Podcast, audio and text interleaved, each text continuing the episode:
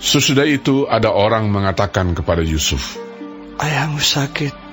Lalu dibawanyalah kedua anaknya, Manasye dan Efraim. Ketika diberitahukan kepada Yakub, Telah datang anakmu Yusuf kepadamu. maka Israel mengumpulkan segenap kekuatannya dan duduklah ia di tempat tidurnya. Berkatalah Yakub kepada Yusuf, Allah yang Maha Kuasa telah menampakkan diri kepadaku di Luz, di tanah Kanaan, dan memberkati aku, serta berfirman kepadaku, Akulah yang membuat engkau beranak cucu, dan aku akan membuat engkau bertambah banyak, dan menjadi sekumpulan bangsa-bangsa. Aku akan memberikan negeri ini kepada keturunanmu untuk menjadi miliknya sampai selama-lamanya.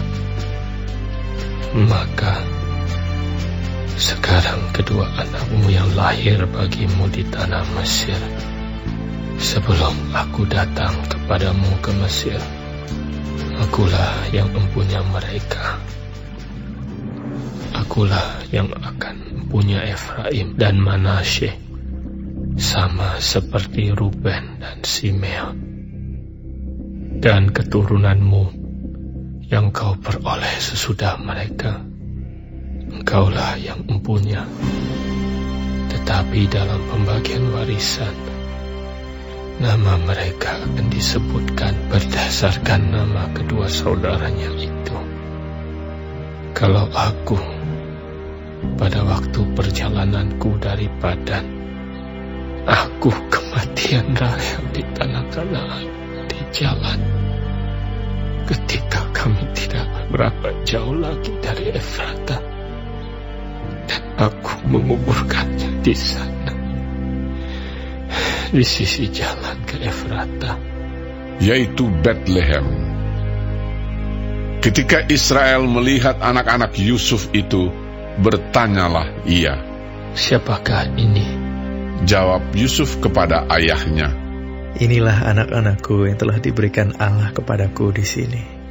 Maka kata Yakub, dekatkanlah mereka kepadaku supaya aku berkati mereka Adapun mata Israel telah kabur karena tuanya, jadi ia tidak dapat lagi melihat.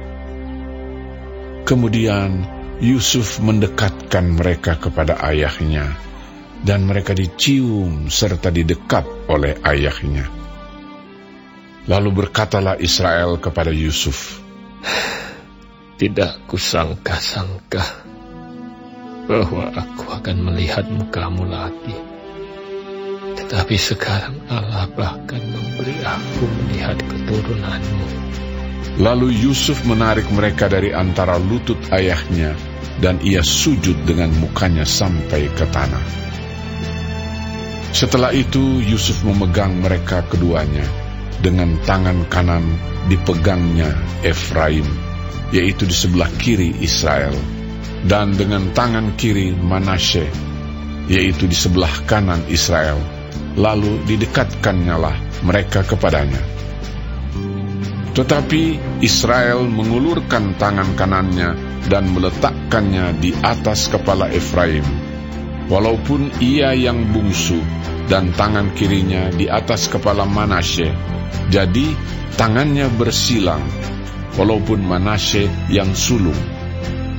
Sesudah itu diberkatinyalah Yusuf, katanya, Nenekku dan ayahku, Abraham dan Ishak telah hidup di hadapan Allah. Allah itu sebagai Allah yang telah menjadi gembalaku selama hidupku sampai sekarang. Dan sebagai malaikat yang telah melepaskan aku dari segala bahaya.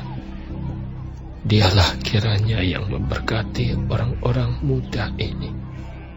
Sehingga namaku serta nama nenek dan bapakku Abraham dan Ishak termasyur oleh karena mereka dan sehingga mereka bertambah-tambah menjadi jumlah yang besar di bumi. Ketika Yusuf melihat bahwa ayahnya meletakkan tangan kanannya di atas kepala Efraim, hal itu dipandangnya tidak baik. Lalu dipegangnya tangan ayahnya untuk memindahkannya dari atas kepala Efraim ke atas kepala Manasye. Katanya kepada ayahnya, Janganlah demikian ayahku, sebab inilah yang sulung. Letakkanlah tangan kananmu ke atas kepalanya. Tetapi ayahnya menolak, katanya, Aku tahu, anakku, aku tahu ia juga akan menjadi suatu bangsa. Dan ia juga akan menjadi besar kuasanya. Walaupun begitu, adiknya akan lebih besar kuasanya daripadanya.